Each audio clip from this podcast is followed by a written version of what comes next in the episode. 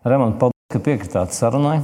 Un, tas, tas būtiskais tas jautājums, kas mani nodarbināja, un es domāju, ko tad lai es pajautāju aizsardzības bijušajam ministram un cilvēkam, kurš ir zināms un tik daudz pieredzējis. No kurienes jūs nākat, Remonds? Kad? Jā, labs jautājums. Kāda ir jūsu bērnība? Uh, Īstenībā tikai pēdējā laikā sāku aizdomāties, un arvien vairāk sāku uh, ievākt uh, šo informāciju par savu dzimtu. Skumji, protams, ka mans tēvs ļoti daudz zināja par dzimtu un ļoti tā, ļoti labi un skrupulozi, un viņam bija ļoti laba atmiņa. Diemžēl šajā mūsdienu skriešanas laikā es aizmirsu to pajautāt. Un, diemžēl viņš aizgāja. Un, līdz ar to šobrīd ir daudz grūtāk šo informāciju iegūt. Cenšos vēl no mammas izspiest visu, un esmu uzzinājis ļoti, ļoti daudz par savu dzimtu, ko es nekad dzīvē nebiju dzirdējis. Un, protams, arī jāsaprot, ka bija tas laiks, kurā mēs dzīvojām. Un tā kā mana ģimene no mammas puses bija represēta, tad viņi arī mēģināja mazāk stāstīt par šīm lietām, jo tas varēja tajā brīdī kaut kādā veidā ietekmēt. Un tas cilvēkiem liekas ļoti dīvaini. Jo, piemēram, mana meita runājot ar savu omu, mana mamma, viņa saka, nu, kāpēc tu negāji tajā laikā sūdzēties policijai? Nu, tā tā izpratne par to, kā, kāds laika tie bija un kas tas bija. Tāpēc ir šobrīd ir vispār, man liekas, ļoti, ļoti būtiski mācīt vēsturi. Arī es pats esmu šobrīd tik daudz apzinis un sapratis, kas man nebija izpratnes. Mācījos it kā labi vēsturi un skolā, bet eh, īstenībā sāku tā īsti eh, apjaust, kas notika Latvijā, tad, kad kļuvu par aizsardzības ministru. Jo piedaloties dažādos pasākumos, bija jāsaprot, kāpēc tas pasākums tur notiek. Kāpēc viņš tam ir veltīts un kāpēc viņš ir tik nozīmīgs. Un tad tu sāc saprast, un tad tev sākās atklāsme. Tas turpinājās arī pēc tam, kad bija sākušies citi laiki. Tad bija jāsaprot, kur mēs varam doties ar ģimeni. Un tāds aizgāja. Bet, ja mēs atgriežamies pie ģimenes, jā, nāku no piedzimu pļaviņu slimnīcā, kas ir stāv Daugaus likteņu upes krastā. Viņa vēl ar vienu tur tā māja stāv. Man, jā, tur viņa ir vēl. Viņa ir, viņa ir tāda ļoti pamatīga. Tur arī ir blakus vēsture. Tur no eh, akmeņiem, laikam. Viņi ir jā, no lieliem akmeņiem, un, eh, bet blakus tur atradās to, ko man stāstīja arī vēsturnieki. Latvijas brīvības cīņu laikā tur atradās lielākā Pēters Tučs eh, vadītās valdības bruņoto spēku koncentrācijas nometne. Koncentrācijas nometne, Pēļņās? Ja? Kā stāstīja mums, es tagad, laikam, lai nesamalotos, nevarēšu atminēties šī profesora vārdu vēsturnieku. Tā bija nometne, kurā gandrīz vienu brīdi bija ieslodzīti tuvu pie tūkstošiem cilvēkiem. Tas bija pļaviņās. Latvijas Jā, cilvēki. Latvijas cilvēki. Un par to ir maz runāts, par to ir maz stāstīts, un par tādām lietām baigi maz stāst. Un īstenībā tiešām, kad saproti, ka tur tāda ir tā dzīve, tur bijusi. Tāds krustcels, tas pļaviņas ir, un tur tāds tiešām ir nozīmīga uh, vieta. Un, uh, ne tikai varbūt manai, manai ģimenei, tāpēc, ka es no turienes nāku, bet arī Latvijai ir maz stāstīts, un es daudz ko esmu uzzinājis, un tiešām apbrīnoju, jo savu bērnību es ļoti lielu laiku pavadīju tur, un būtībā vasaras visu laiku tur pavadīju. Un tikai pēc 50 gadiem kurai mājā es pirku saldējumu un limonādus, un tā asociējās ar to māju, kurā bija veikals. Tajā laikā tas bija ļoti nozīmīgi, ka tu vari aiziet uz veikalu, ko vispār nopirkt. Es sapratu, ka tur ir pieņemts ļoti vēsturiski lēmumi manai valstī. Jānis Balodis tur ir uzņēmies bruņoto spēku komandēšanu. Hmm. Pļaviņos. Uh, par to ir maz zināms. Nākamais stāsts, kad Pļaviņās ir atradies Latvijas divīzijas štābs Tā māja, kurā es dzīvoju, man vienīgā asociācija pretīm bija saimniecības veikals, kurā mēs pirkām visādas lietas. Bet neviens man nekad nebija izstāstījis, ka otrā pusē ir bijusi Latvijas divīzijas štāba māja, kurā ir parāds notikušas pa Daugaupils šoseju un militārās. Un, un ļoti nozīmīga loma ir bijusi vispār mūsu valstī. Tas. Un tad tas sāk ar vien vairāk un vairāk šos nu, datus kolekcionējot un ievācot Es ļoti daudz ko esmu uzzinājis gan par savām dzimto ciematu, pilsētu, atvainojos, pilsētām pļaviņas, gan par visu to pusi. Un, un tad arī caur tēvu stāstītajām atmiņām es viņus mēģinu arī salikt kaut kā kopā, kā tur īstenībā ir bijis. Un mamma arī ir, nu, šobrīd ir ļoti grūti, es domāju, arī man pat uh, izprast, ka tētis gāja ciemos pie mammas ar kājām pāri Daugovai. Jo tajā laikā nebija pļaviņa Hess. Jā, nu jā. Un tad tu varēji pāriet pāri. Jā, jā. Vai, nu. Tu varēji, nu, tu varēji apbraukt, protams, un tā, bet nu, bija brīži, kad tu viņš zinādams, tur varēja tikt arī pāri. Tur bija plosnieki un tas viss. Un, nu, mamma arī ir tieši nu, netālu no turienes, jā, un nu, tā dzīve ir sanācis. Jā, un tad tu tos plašākos radu rakstus, kad sāc meklēt, tad ir ļoti, ļoti interesanti. Un, nu, lielākā daļa bērnības jā, pagāja absolūti dzimtajās tēva mājās. Es domāju, ka visi tie, kuriem ir kāda saistība ar pļaviņām vai to pusi, būtu ļoti gandarīti, ka viens no Latvijas stiprākajiem vīriem ir viņu Jā, īstenībā pļaviņas ir ļoti interesants. Tāds maza pilsēta, bet no viņas nu, tā novada un pilsētas ir seši olimpiskie. Un daudz varbūt pat nezina, ka Inese Jaunzeme ir dzimusi pļaviņās. Inese Jaunzeme ir mūsu, mūsu pirmā. Jā, pirmā olimpiskā čempiona. Māris Mel Bruģis. Melnburna, laikam, jā? Jā, Melnburnā 56. gadā. Nu, tā kā, jā, nu, tāds tas, tā pilsēta ir un tāda krustcēla. Viņai arī tas zīmotne pilsētas ģerbonis ir ļoti interesants, tāds ar cietokšņiem. Un, un tur ir arī, kā es teicu, tur ir visi zviedru poļu laiki. Tas viss tur ir bijis ar ļoti interesantiem nosaukumiem. Tur vēl viens ciem, blakus ir gostiņi, kuriem ir apdzīvota vieta, kur ir septiņi nosaukumi. Es viņus pat godīgi tagad, es varbūt četrus vai piecus atcerēšos, un tur ir vesels apraksts, kā tāds apdzīvotā vieta ir mainījusies un nosaukums septiņas. Un e, ļoti interesanti. Tiešām, un viņi tur ir vēsturiski. Un tas viss, kas tur bija, un, nu, tas laikam viss ir iesūcies arī manī. Jo nu, daļēji, protams, ka mana vecmāma, tēta mamma, pie kuras es cauras vasaras arī pavadīju, Audzinājusi mani ļoti, ļoti daudz ko, jo nu, tēvs bija kaut kur citur. Es jau vecāku. Nu, Turienes nāk tādi kārtīgi cilvēki. Mūsu viens no viesiem, Ivars Dzelne, viņš arī nāk no gostiņiem, no tos puses, starp citu. Uh, jā, nu, uh, mana vecmāma uh, ir pabeigusi. Mēs visi ļoti zinām, daudz ko esam, bet arī tā pašā laikā maz. Un ir diezgan bēdīgi ir šobrīd arī sajūta, redzot, kas ir noticis Kaunsmindi ar šo skolu. No. Tur ir kaunsmīdienas. Nu, lūk, tas ir kaunsmīdienas, tā bija kvalitātes zīme. Jā, bet bija vēl viena tāda līdzīga uh, apmācības vieta - Feldmans. Tas ir. Jā, Rīgā. Manā, mazāk gan. Jā, bet es domāju, ka viņi nebija mazāk, uh, nu, kvalitātes ziņā nebija nemaz. Tad mana Oma ir beigusi šo skolu. Līdz ar to viņā viss tas bija iemācīts. Stāja, attieksme pret sevi, uh, zināšanas, nu, tas viss vienmēr. Man, mēs brīnījāmies, kā vecmāmiņa spēja vienmēr sevi, sevi sapost uz jebkādu pasākumu. Tas bija tāds. Un, un tagad es meklēju, žēl, ka es nenopirku. Bija viena aukciona, vienā izsolē. Bija tieši Feldmanas skolas grāmata. Tāda.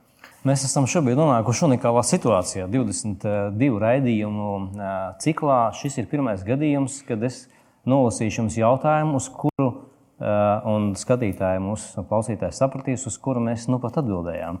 Un jautājums ir tāds. Jūs, vien, jūs esat vienīgais cilvēks Latvijā, kurš tik daudzpusīgi pārstāvējis mūsu valsts starptautiskā arēnā. Gan kā pasaules klases svarcēlājs, gan kā plaši zināms pasaules top līmeņa spēkvīrs, bijāt arī valsts aizsardzības ministrs. Saprotams, saprotams, ka arī politiskai piedrībai bijusi nozīme uz ministra posteni kandidēt, bet arī tur bez autoritātes neiztikt. Kāds ir jūsu panākuma pamats? Man šķiet, ka jūs tikko tik labi izstāstījāt, ka tur nu, tā vēsture stāja, notikumi, šī, šīs savas uh, dzīves faktiski apzināšanās varbūt. Nu, Izskatās, Jā, jo man uh, nu, tā ir sanācis, ka, protams, ka man liekas, vislielāko ietekmi uz mani ir atstājušas abas vecmāmas gan tēta vecmām, kuras laukos un kuras tikko aizstāstīja, kā, kāda ir viņas izglītība. Vide, izglītība, attieksme, piemērs. Un, un otra ir māte, vecmāma, un tā bija nemazāk prasīga, stingra un atbildīga. Un viņai nu, tas, kas nu, nav jau nekāds noslēpums, nāca līdzi smagais uh, izsūtījuma laiks. Un, uh, kur arī mana mamma kopā ar viņu bija. Mēs dzīvojām, ļoti daudz tad, ja man tas laukos bija tas, tas viens stāsts, tas, kur varēja varbūt paskrēt. Un kaut kā vasara, vasara vienmēr atstāja pozitīvas emocijas. Tad ikdienā es dzīvoju mājās, un kopā ar otru vecmāmu mēs dzīvojam. Vecmāmas uh, droši vien viss, par ko man prasa, kā tas viss noticis, tad ir liekas, uh, tās īpašības, ko viņi mēģināja mūsos ar brāli arī jāaudzināt. Tas ir turēt savu vārdu, būt godavīram, darīt visu ar attieksmi un būt patiesam. Laikam tas tas Viss laikam ir diezgan vienkārši. es, atzīšos, es, jā, es atzīšos, ka um, es aptaujāju divus cilvēkus, kas jūs labi pazīst uh, un kuri godīgi teica, uh, klusiņām, gan nu, tas, ir, tas, ir, nu, tas, ir, tas ir īsts vecis. Nu, ir, tur, tur, nav, tur nav nekas jādomā, jāpieliek, jāatņem. Uh, nu, es būtu ļoti gandarīts, ja par, par sevi kādreiz kaut ko tādu dzirdētu. Forši. Raimond, man ir jautājums jums. Jūs nesat to plaši paudis tā publiski, bet ir zināms, ka jaunībā esat ticis sadurts un pat bijis kritiskā situācijā. Kas notika un kādus secinājumus izdarījāt? Jā, nu tas stāsts tiešām nav daudz stāstīts. Viņa ļoti reti stāsta. Viņš ir nopublicēts vienā amerikāņu žurnālā. Jā, Iron Man tāds uh, žurnāls ir, kas ir par spēku sporta veidiem rakstiem. Un tad arī tas korespondents man vienreiz pajautāja kaut kādīgas, man liekas, tas bija pasaules čempionātā, svarcelšanā, taizemē, jo es viņu satiku arī no nu, Olimpiskās spēlēs, un es viņu satiku arī spēku vīros. Viņš tāds ļoti interesants, viņš arī pats, man liekas, bija izdevējis šim žurnālam.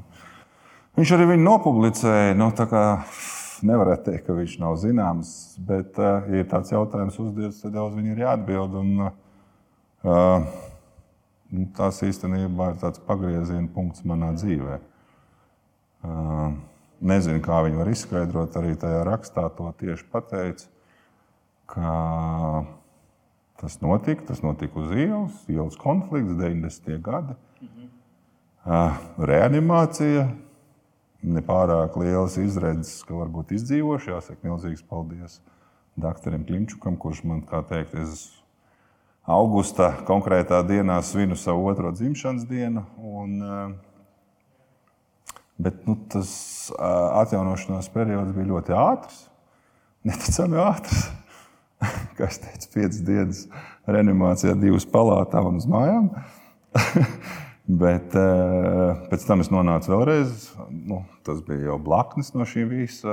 Vēlreiz gandrīz uh, turpat reanimācijā, pateicoties tikai tam, kad iebraucu un dežūrēju slimnīcā. Tas pats mans operē, operējošais doktoris. Tad, uh, sarunāja, lai es otrais nebrauktu uz uh, reanimāciju, kad es būšu uzvedīšos kārtīgi un varēšu gulēt palātā, jo man bija izveidojies no subklāvijas tāds medicīnas termins, man bija izveidojusies tromboze, un tad bija tromps.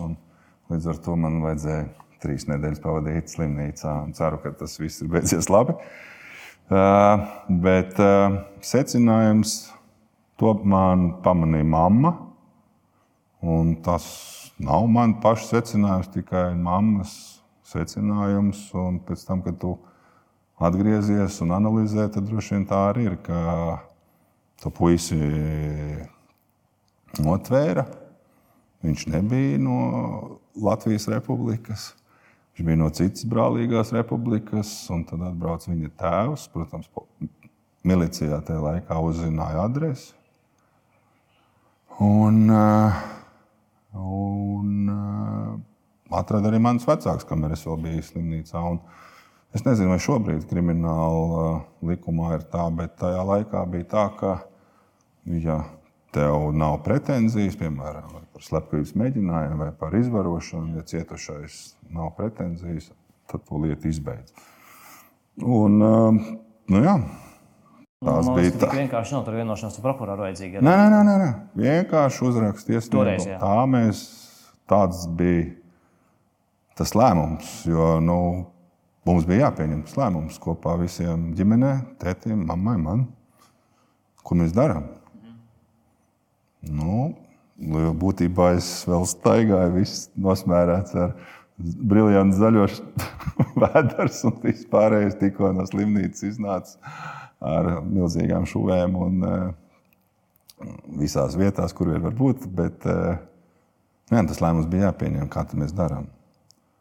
Nu, un pieņēma ģimeni lēmumu uzrakstīt, ka mēs atsaucam šo apsūdzību Lai gan nu, tur minimums, kas tam cilvēkam, jaunajam cilvēkam draudēja, minimums, kā teica policisti, tajā brīdī ir septiņi gadi. Viņam būtu vismaz draudējis, jā. bet nu, tā kā mēs atsaucām, tad tas viss process izbeidzās. Un tad mammas secinājums. Un pēc tam dzīvē daudz kas sakārtojās, notika Olimpiskās spēles, viss, viss pārējais sākās un dzīve aizgāja pavisam savādāk. Un tad mamma teica, nu, laikam, paskatoties, ka mēs spējām piedot. Tas nav viegli. Es domāju, vecākiem, kuri redzēja, ka tur tas viņu dēls nu, bija tur, tajā reanimācijā starp tam, tam, tam divām vietām, un pēc pāris dienām spēt piedot, tas laikam nav viegli. Bet tāds notika. Un eh, tā rezultātā tad, uh, dzīve kaut kā sagriezās pavisam. Mūsdienu pētnieki, psihi, psihi, psihologi saka, un psihiatri, spēja piedot, arī garīdznieki to min, uh, ka spēja piedot ir viena no unikālākajām spējām, kas dota ne katram. Tā patiesi piedot. Nu, tieši es domāju, tajā brīdī maniem vecākiem bija ļoti, ļoti grūti. Es zinu, ka mans tēvs uzstādīja visus iespējamos droši vien rekordus kādas vien varēja, braukšanas ātrumā no pļaviņām tieši uz Rīgu, kad uzzināja, ka es esmu reanimācijā. Viss sodas, nezinu, kas viņi tur būtu turējuši, cik viņš var. Jo nu, cilvēki tajā laikā mēs braucām ar mašīnu stundu 40 un 45. Viņš atbrauc par 40 minūtēm no pļaviņām līdz Rīgai. Es nezinu, ar kādu ātrumu viņš brauca. Bet, nu, tā, tā, es pieņemu, ka ar ļoti lielu. Jā, jā nu, tāda jā, bija tā Un tāpēc vēl jau es saku, tas ir, nu, nebija, nebija, nebija viegli. To nebija viegli izdarīt, un es to arī kaut kā varbūt nepamanīju, jo tajā laikā bija pietiekuši jauns laikam. Un nevarēju uz tādām lietām paskatīties, bet mammas pieredze diezgan skarbā dzīves pieredze, spēja saprast. Bet izskatās, ka jūs esat varējis ļoti labi paļauties uz saviem vecākiem.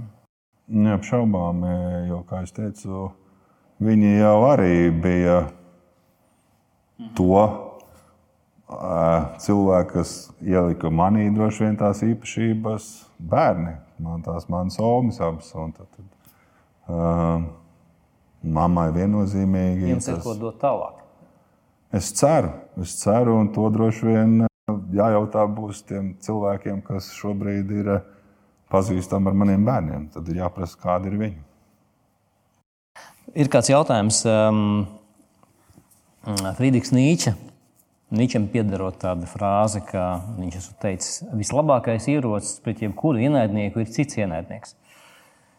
Mm, neskatoties uz to, ka vēsture mums atgādina, kāds ir bijis viņa ideja realizētāja liktenis, šodien, redzot to, ko mēs redzam, sabiedrības šķelšanos gan vietējā, gan globālā mērogā, šķiet, ka lielākā daļa no mums visiem esam kļuvuši par tādiem labiem skolotājiem, Nīčam.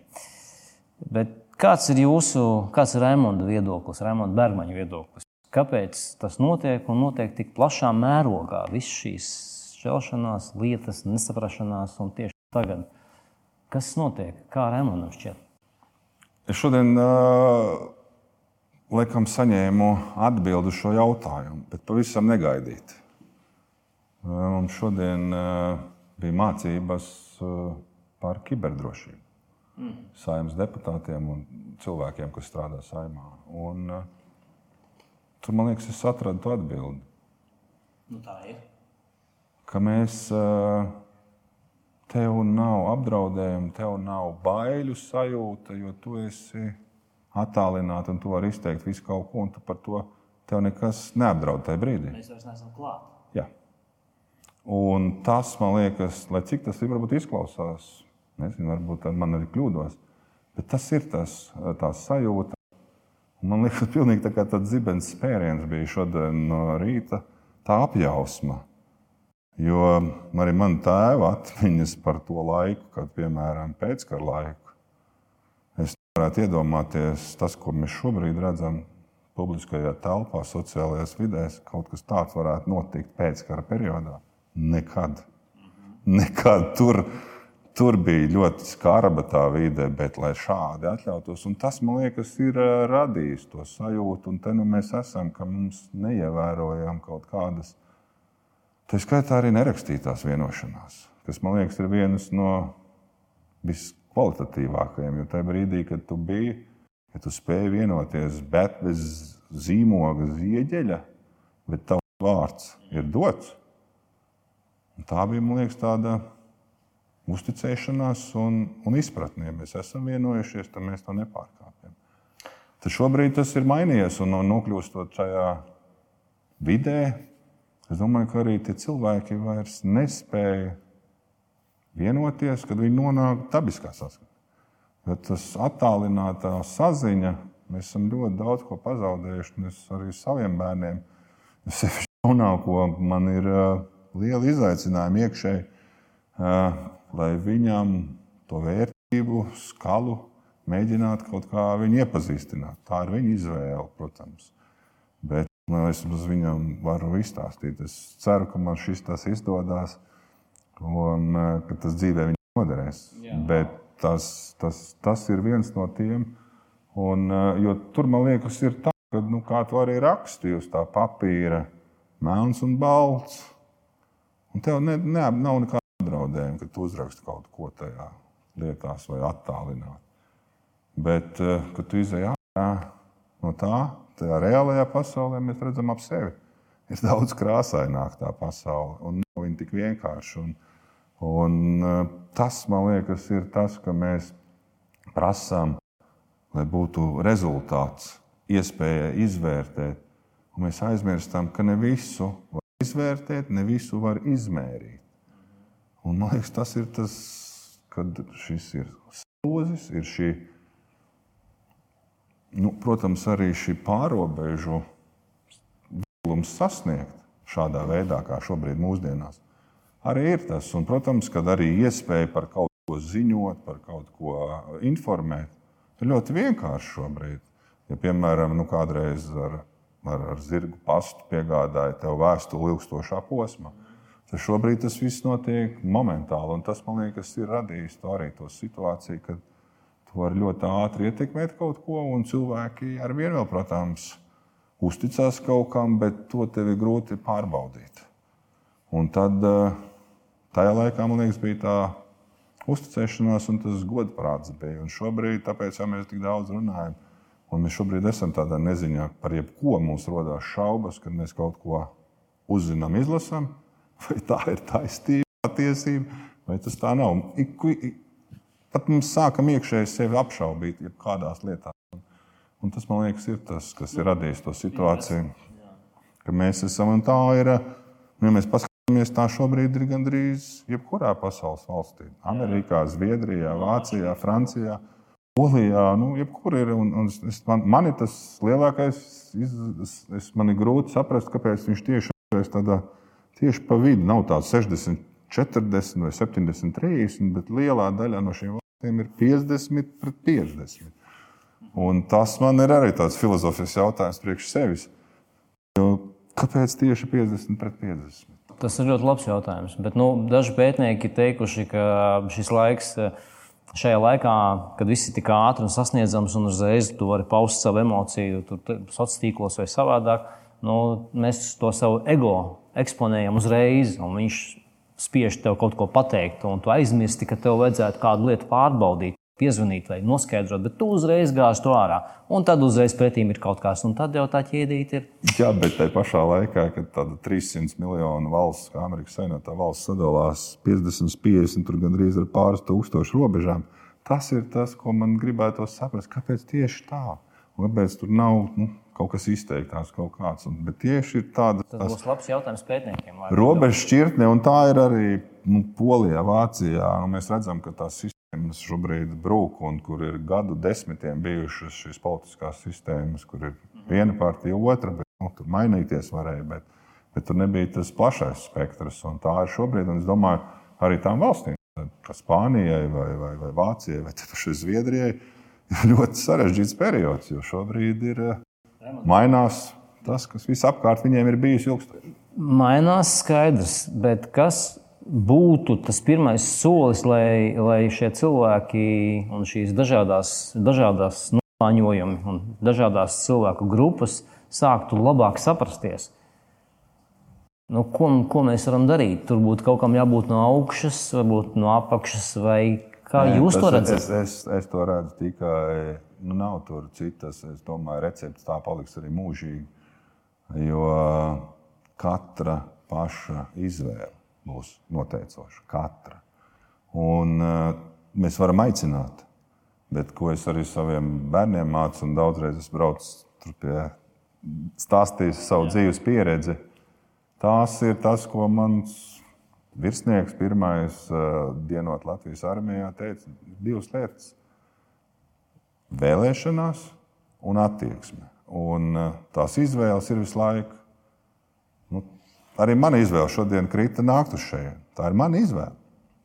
Un, eh, kā jau teicu, arī dalīties ar to, ko es stāstīju, ko es ļoti, ļoti reti stāstīju. Tā bija mana izvēle. Un, eh, jo tas varbūt ir tas, ka varbūt caur šo stāstu kaut kādā veidā es varbūt kādam palīdzu pieņemt to lēmumu. Un, eh, un tā vēlme iesaistīties. Jo tas, tas tiešām es, es domāju par šo, vai man šo teikt par šo vārdu nu, iesaistīties. Un, tad, bet tas, tas liekas tik nu, bieži dzirdēts, bet tas ir vienīgais, laikam, kas varētu palīdzēt. Jo, ja mēs būsim vienaldzīgi pret jebko, tad mums nav rezultātu. Un tas rezultāts nav jebkurā lietā. Un, tas, laikam, tas, ko man arī ir iemācījuši raidījuma sākumā teiktie cilvēki, nu, dari. Un, tu, ja tu to darīsi, iesaistīsies, nu, līdzīgi kā, piemēram, man izvēle iesaistīties politikā. Nu. Šobrīd daudz prasīt, un tas būtu tāds biežais jautājums, nu, ja tu pagriez dzīvē atpakaļ, vai tu to darītu vai nē. Tā bija tā brīža mana izvēle. Un, eh, ko man ir mācījuši, nu, tad, ja tu dari, tad dari. Nu, tad un, un viss. Un, un man drusku bail jā, no tā, ka mēs kaut kādā veidā atsakāmies, nu, jā, tas ir kaut kas nezināms, tas ir varbūt kaut kas nav pieņemams, nu, politika, politika. Nā. Bet mēs visi šeit dzīvojam, un vienalga mēs būsim kaut kādā veidā iesaistīti tajā procesā. Tad labāk varbūt iesaistāmies ar savu zināšanu, pieredzi un palīdzību. Un, nu, tas ir tas, kas laikam varētu dot to rezultātu, jo iesaiste būs tāpat ja nonāksim krīzes situācijā, nedodies. Un tad būs jāiesaistās šādā, tad būs jāizdara tā izvēle. Bet pirms iesaistīt, jūs minējat vārdu zināšana. Ir jāzina, ir jā, jāinteresējas, jāsaprot, jāpēta, jādomā, jāskatās līdzi. Neapšaubām, neapšaubām jo šajā, šajā, šajā informācijas gūzmā, kas šobrīd gāžās, es, es neslēpšu, aizvakar arī man dažādus jautājumus risinot kur es, saku, es esmu iesaistījies dažādās citās vēl aktivitātēs, un tas viss vienlaicīgi sakrita. Es tiešām pie galda darbā, nu, kā, nu, es netikšu no tā ārā. Vienkārši man tajā brīdī ir nu, viss sakoncentrējies, daži dažādi jautājumi, ļoti atbildīgi un būtiski. Un saprotu, ka tu vienkārši netiec vairs galā, un viss, nu, un tad ir viss. Bet tad ir jāievēl gaiss, jāsaprot, nu, un tad ir jāiet tālāk vienkārši. Jo, nu, Jā, nu, nu lūst jau visi cilvēki, un visi ir cilvēki. Un, bet uh, nav viegli. Tas tiešām nav viegli. Bet nu, jā, bez tām zināšanām arī ir. Lai gan varbūt man šoreiz daudz jautājumu ir uzdevuši cilvēki, nu, kāpēc tu tagad varbūt tādu jautājumu pielēmtu savādāk vai tā. Es saku, nu, jā, tajā brīdī, kad, kad man bija šīs iespējas kļūt par aizsardzības ministru, varbūt kaut ko nezinot bet vēlme kaut ko darīt bija vairāk arī nospēlēt to. Un šobrīd, varbūt atgriežoties, tu domā, vai tu tādu lēmumu būtu pieņēmis, zinot visu, kam tu jau esi izgājis cauri. Ingūns Pūķis, LMT viceprezidents, par jums ir teicis vārdus, ka viņš nezina nevienu citu tik mm, komunikablu un komunicēt spējīgu un komunicēt veiksmi un veiksmīgi komunicējošu politiķu vai ministru, kāds esat bijis jūs, pieminot to gadījumu. Divas dienas viņš, viņš ar jums pavadīja Brazīlijas Olimpiskajās spēlēs Jā. un teica, ka jūs esat nu, bijis nu, viņam Tas ir, man liekas, pat nenormāli, bet tas ir kaut kas fenomenāls, ka cilvēks var atrast kontaktus, iet klāt. Uh, varbūt tā mums pietrūks, mēs esam tādi maziski. Nē, to man, tas gan man, manas dzīvē bija, un tā varbūt arī mums, varbūt šobrīd tieši varbūt Latvijā visvairāk pietrūkst, ka mēs, nu, nē, mēs to nevaram, ko tam mēs, tas, tas mums ir galīgi jāizskauj. Un, Protams, ka tev ir bailes. Arī man ir bailes bijušas pieņemt konkrētus un diezgan izai, lielus izaicinājumus. Bet, bet nē, nevajag baidīties. Un, eh, bet jābūt arī godīgam un patiesam. Un tad, ja tu esi godīgs un patiess, atvērts, nu, liela daļa cilvēks pasaulē tāda arī ir. Un, eh, un tad tas dod to rezultātu. Man liekas. Tas man liekas, ir diezgan vienkārši formula. Bet, eh, jā, nu, Es, nu, man būtu grūti dzīvē, tad, kad bija jāpieņem lēmums par kļūt par aizsardzības ministru vai nē. Tad sēdi mājās ar ģimeni un domā, bet tajā brīdī, kad es braucu uz pirmo sanāksmi, domāju, kurien es braucu, es braucu tur, kur būs 28 valsts.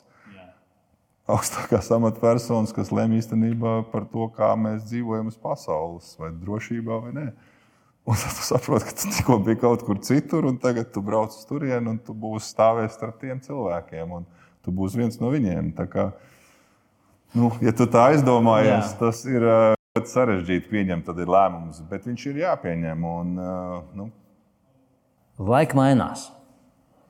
Uh, ja jūs tagad būtu aizsardzības ministrs, ko jūs darītu savādāk? Es daudz ko darīju, droši vien savādāk. Šobrīd ir tās zināšanas, pēc trīs pus gadiem, kā varbūt jārīkojas. Nu, kāda, es, eh, kāda būtiska lieta? Viena no būtiskākajām lietām droši vien, ka es palaidu garām. Bet bija to, to uzdevumu daudz, bet es to nu, jā, nu, es atzīšos, jā, ka tas, kas, ko šobrīd, tajā pandēmijas laikā, kad es teicu, ka mums, mēs domājam, kur lai mēs dodamies, lai nebūtu cilvēku tad es izdomāju doties uz militārās vēstures piemiņas vietām kopā ar savu dēlu. Un viņš tik daudz ir uzzinājis par vēsturi kopā ar mani. Es esmu priecīgs, kad viņš zina, kur ir izrādās parakstīts Strasbūras līgums un daudz citas lietas, un, un kur ir kāds pieminieks. Viņš tagad jau tiešām zina, pie šī pieminiekta mēs esam bijuši. Un tas, ko es esmu uzzinājis par brāļu kapiem. Un, uh, man ir liela vēlme palīdzēt. Un šo to jau es esmu izdarījis, bet es ļoti vēlētos, jo tas kaut kā man bija paskrējis garām tieši šī piemiņas lieta, jo es atradu, braucu uz tām vietām, kur, protams, ir pietiekami kvalitatīvi sapostas un sakoptas.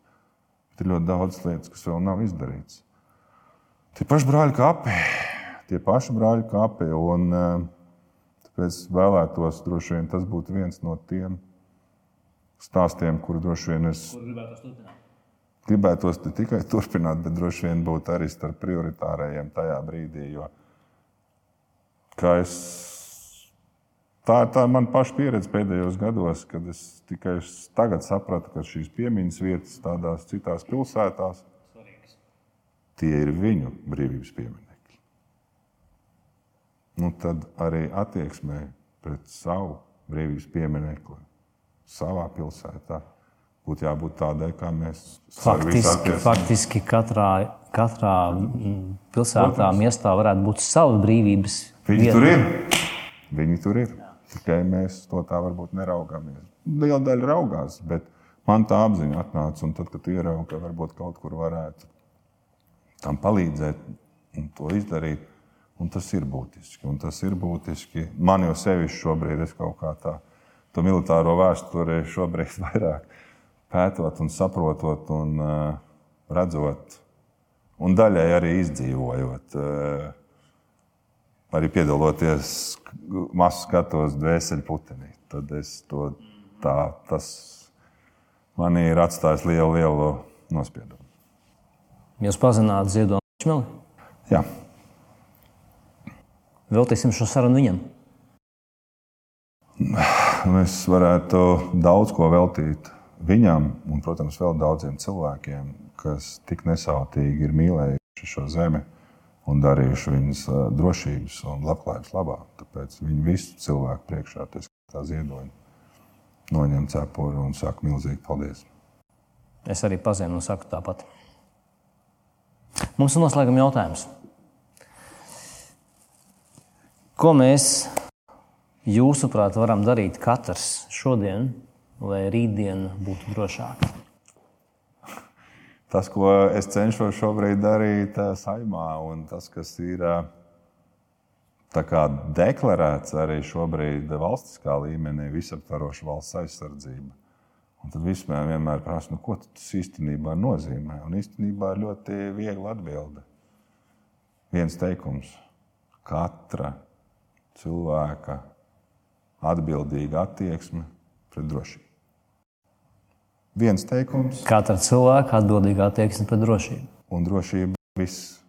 Attiecībā pret satiksmes noteikumiem, pret gāzi, pret, pret jebko. Tur ir daudz iekšā. Tas, tas ir tā, tas ir, cik tas liekas, nu, neskatītos vienkārši, bet tā ir pati būtība. Tur var beigt, un tur var runāt nu, vēl stundu. Kā es teicu, nu, kaut vai kurpē aiziet bērnam un skrienot uz tramvaju nenokrist. Nu, tas ir tas, un, nu, protams, es tagad drusku tādā triviālākā pieejā, bet varbūt tiešām caur šādām lietām skatoties, tad mēs arī saprastu, ja mēs visi attiektos un izpratne būtu pret tām lietām. Lai gan šobrīd ir skarbi, mēs mācāmies ar ļoti skarbām secinājumiem un mācībām pandēmijas laikā. Bet tas palīdzēs mums viennozīmīgi valstī saprast, kā rīkoties krīzes situācijā. Un Tas ir tas, ko es redzu, un, un es ceru, ka tas mums citās krīzēs palīdzēs un varbūt nebūs tik smagas sekas. Un tāpēc arī cenšos, lai cilvēki to saprastu. Un tas ir tiešām tik vienkārši. Katra cilvēka atbildīga attieksme pret drošību. Nav ko piebilst. Raimond, paldies par sarunu. Paldies jums!